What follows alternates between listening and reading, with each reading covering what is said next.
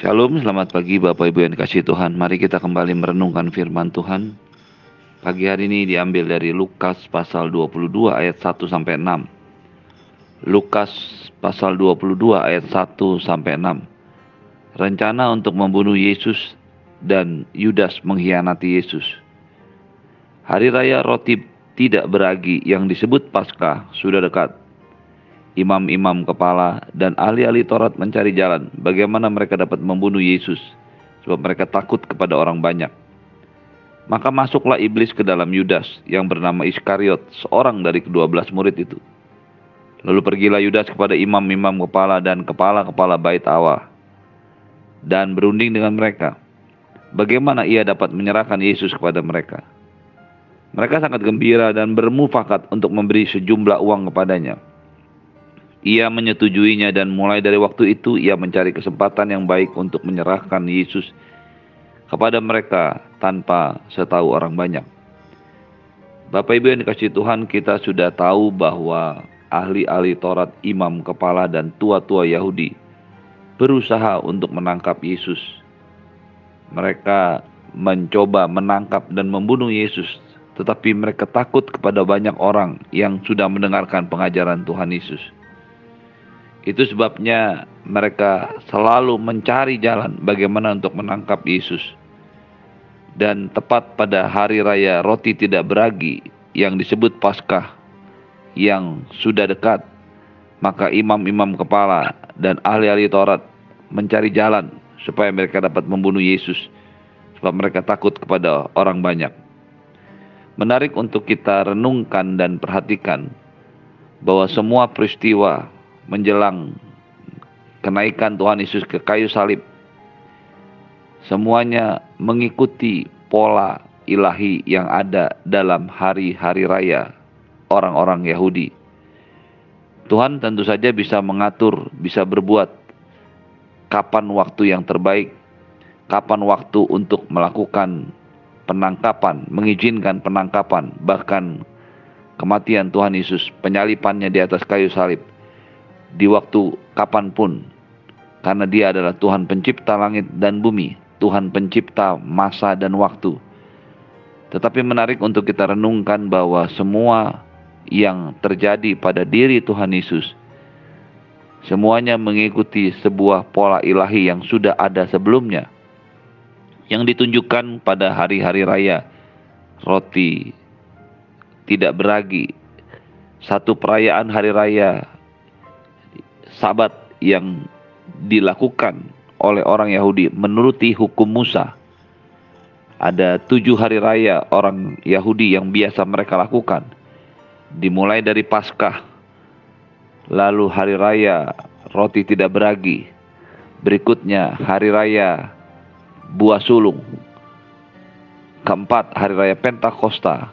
Kelima hari raya peniupan sangkakala atau serunai yang keenam hari raya pendamaian. Dan yang ketujuh hari raya pondok daun yaitu hari raya tabernakel. Penyalipan Tuhan Yesus dilakukan persis mengikuti ajakan atau aturan hukum Musa yaitu hari raya Paskah. Hari raya yang dirayakan pada hari Paskah ini dilakukan pada waktu mereka sedang berada di tanah Mesir.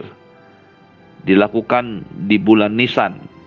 Hari raya Paskah dilakukan pada hari yang pertama. Sementara hari raya roti tidak beragi dilakukan pada tanggal 15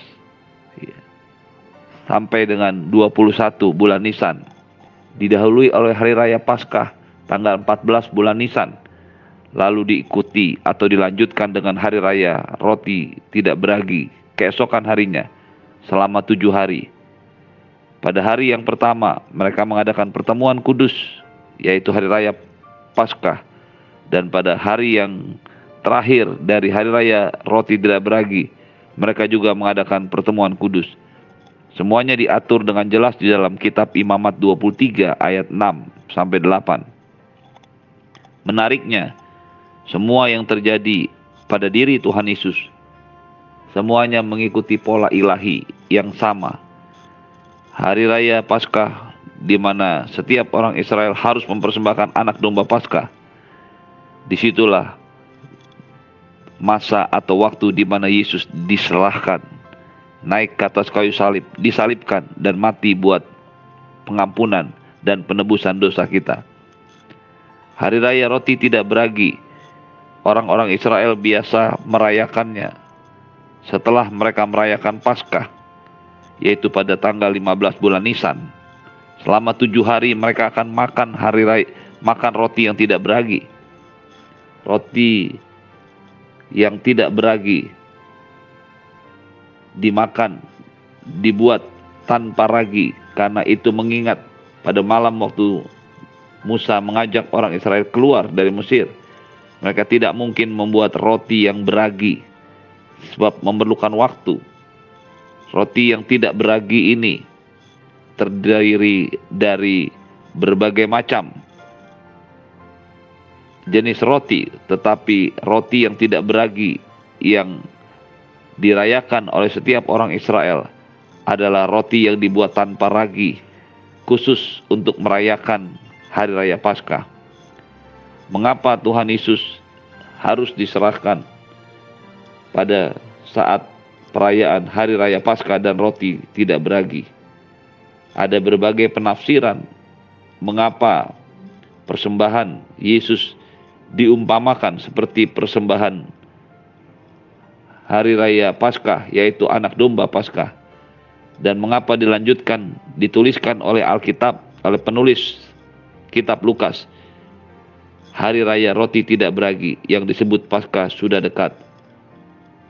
Semuanya memberikan sebuah pengertian ilahi yang sangat luar biasa untuk direnungkan.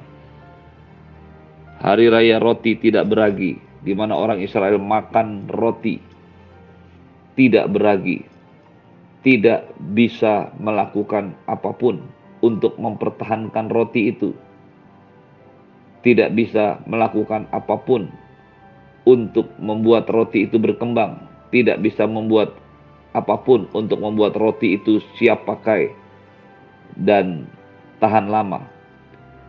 Ketika mereka makan roti tidak beragi, ini mencerminkan keinginan Allah untuk menguduskan kita. Tidak ada ragi, tidak ada bantuan apa pun. Seperti itulah kita seperti itulah yang juga dilakukan Tuhan dengan penebusan darah Yesus. Ini memberikan sebuah penegasan bahwa keselamatan yang Anda dan saya terima betul-betul tidak butuh ragi, yaitu perbuatan baik kita. Semuanya adalah murni kasih karunia Tuhan. Roti yang tidak beragi juga menggambarkan ketulusan, kemurnian kasih Allah kepada kita. Walaupun kita sudah berbuat dosa, jauh daripada Tuhan, memberontak kepada Tuhan, Tuhan tetap mengasihi kita dengan kemurnian dan ketulusan. Ini juga yang seharusnya menjadi ciri hidup kekristenan kita. Menjadi orang-orang Kristen yang hidup dalam kemurnian, ketulusan. Itu sebabnya mengapa di dalam tradisi Yahudi, orang Israel hanya mengenal dua nilai apakah roti itu beragi atau tidak. Tidak ada perbedaannya sedikit ragi atau banyak ragi. Yang ada hanyalah beragi atau tidak. Dengan ini akan membawa pengertian kepada kita ketika Anda dan saya mengikut Tuhan. Hanya ada satu nilai dalam hidup kita, yaitu mengikut Tuhan dengan sepenuh hati. Mengikut Tuhan dengan setengah hati, tiga perempat hati, 90% hati, sama artinya dengan tidak mengikut Tuhan sepenuh hati. Semua yang dikerjakan oleh Tuhan diizinkan terjadi dalam kehidupan Tuhan Yesus memberikan sebuah gambaran penggenapan atas nilai-nilai ilahi yang Tuhan sudah terapkan dan berikan kepada bangsa Israel yang juga seharusnya menjadi peringatan bagi Anda dan saya.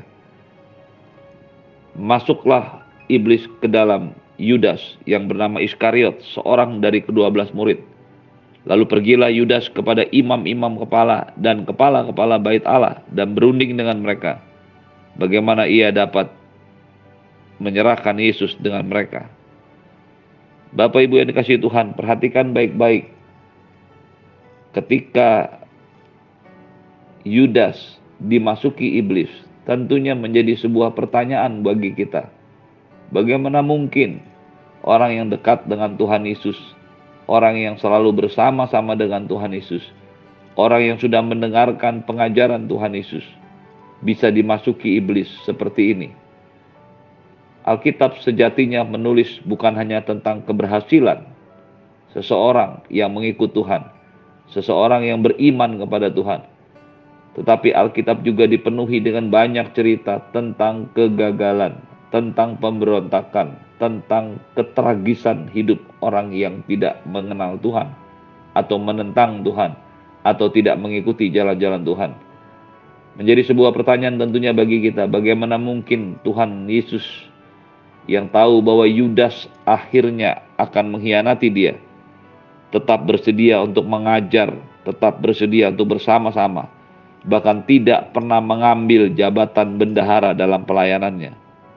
Bagaimana mungkin Yudas yang adalah murid Yesus ini bisa bertindak setragis itu? Kalau kita melihat beberapa catatan Alkitab, sejak awal Tuhan Yesus sudah menyatakan bahwa satu orang di antara mereka akan menyerahkan dirinya kepada penguasa. Satu murid dari dua belas murid akan menjadi pengkhianat dan bahkan di dalam Yohanes pasal 6 ayat 71 firman Tuhan mengajar kita yang dimaksudkannya ialah Yudas anak Simon Iskariot sebab dialah yang akan menyerahkan Yesus dia seorang dari kedua belas murid itu apa yang dimaksudkan oleh ayat ini sebenarnya ada ketika Tuhan Yesus menyatakan seorang dari antaramu adalah iblis. Kita bisa mengerti mengapa Tuhan Yesus yang tahu Yudas itu adalah iblis yang akan menyerahkan dia tetap dikasihinya, tetap dilayaninya, tetap diajarkannya firman Tuhan. Kita bisa melihat kasih karunia anugerah Allah yang luar biasa dinyatakan melalui Tuhan Yesus yang mau hidup bersama-sama, bahkan memiliki murid yang akhirnya dia tahu akan mengkhianatinya. Ini menunjukkan sebuah gambaran kasih karunia Allah yang sangat luar biasa. Tapi kasih karunia Allah kasih karunia Allah yang luar biasa ini tidak membuat Anda dan saya berpikir untuk menjadi Yudas. Karena akhir hidup Yudas sangatlah menyedihkan. Apakah bukan namanya sebuah kasih karunia ketika Yesus yang tahu Yudas yang akan menyerahkan diri, Yudas yang jahat, yang di dalam bagian lain dari kitab Yohanes, yaitu Yohanes 12 ayat 6. Ketika Yesus sedang diurapi oleh seorang perempuan berdosa yang memberikan minyak narwastu murni untuk mengurapi kaki Yesus. Dan Yudas adalah orang yang protes dan mengatakan lebih baik minyak itu dijual dan hasilnya, hasil penjualannya diberikan kepada orang miskin. Tetapi Alkitab menulis hal itu dikatakan Yudas bukan karena ia memperhatikan nasib orang miskin, melainkan karena ia adalah seorang pencuri. Ia sering mengambil uang yang disimpan dalam kas yang dipegangnya. Jadi apa yang terjadi dengan Yudas, tragis akhir hidupnya yang mengkhianati Yesus, itu bukanlah sebuah proses tiba-tiba. Bukanlah seperti yang sering dikatakan orang ketika berbuat salah, yaitu hilaf. Tetapi apa yang dilakukan Yudas sebenarnya adalah sebuah kekalapan hati. Dia mulai biasa mencuri. Dia biasa mulai mengambil uang yang bukan miliknya dalam kas. Dan ketika akhirnya perasaan ini menjadi begitu kuat dalam dirinya, dialah yang menukar Yesus dengan sejumlah besar uang. Tidak ada satu orang pun yang jatuh tiba-tiba di dalam Tuhan. Sama seperti tidak ada seorang pun yang bertumbuh tiba-tiba dalam Tuhan. Semuanya memerlukan proses dan waktu. Orang tidak bisa menjadi jahat seketika. Dan orang tidak bisa menjadi baik seketika. Semuanya memerlukan sebuah proses. Apa yang dialami oleh Yudas di akhir hidupnya menjadi sangat menyedihkan. Menjadi contoh bagi orang yang sudah menerima kasih karunia tetapi tidak mau bertobat dan meninggalkan dosanya. Masih bisa berjalan bersama Yesus dalam masa kasih karunia. Tetapi waktunya akan datang di mana dosa yang begitu kuat mencengkram dia, membawanya ke akhir hidup yang menyedihkan. Bukankah hal yang sama sering juga nampak pada kehidupan sehari-hari kita hari ini? Kita sering mendengar adanya orang-orang yang jatuh ke dalam dosa, apa pun, baik seksual maupun korupsi. Saya percaya mereka juga tidak pernah seketika menjadi seperti itu, jatuh ke dalam dosa. Ada proses-proses dalam hidupnya yang membawanya bertumbuh dalam dosa, menjadi sempurna dalam dosa, dan akhirnya melakukan tindakan dosa yang keji yang sangat menjadikan. Pagi hari ini, biar pelajaran yang terjadi dengan Yusak membawa Anda dan saya untuk kembali hidup dengan ketulusan, kemurnian hati, seperti roti yang tidak beragi, seperti Tuhan Yesus, tetap mengasihi apa pun yang ada dalam hidup kita. Belajar untuk memahami bahwa kasih karunia Allah yang diberikan kepada kita seharusnya membawa Anda dan saya bertobat dari dosa-dosa kita, kebiasaan buruk kita, dan kemudian mengikut Tuhan sepenuhnya dengan ketulusan hati. Terimalah berkat yang berlimpah dari Bapa di surga, cinta kasih dari Tuhan Yesus, penyertaan yang sempurna dari Roh Kudus. Menyertai hidupmu hari ini dan sampai selama-lamanya. Di dalam nama Tuhan Yesus semua yang percaya katakan. Amin. Shalom, selamat pagi, Tuhan Yesus berkati.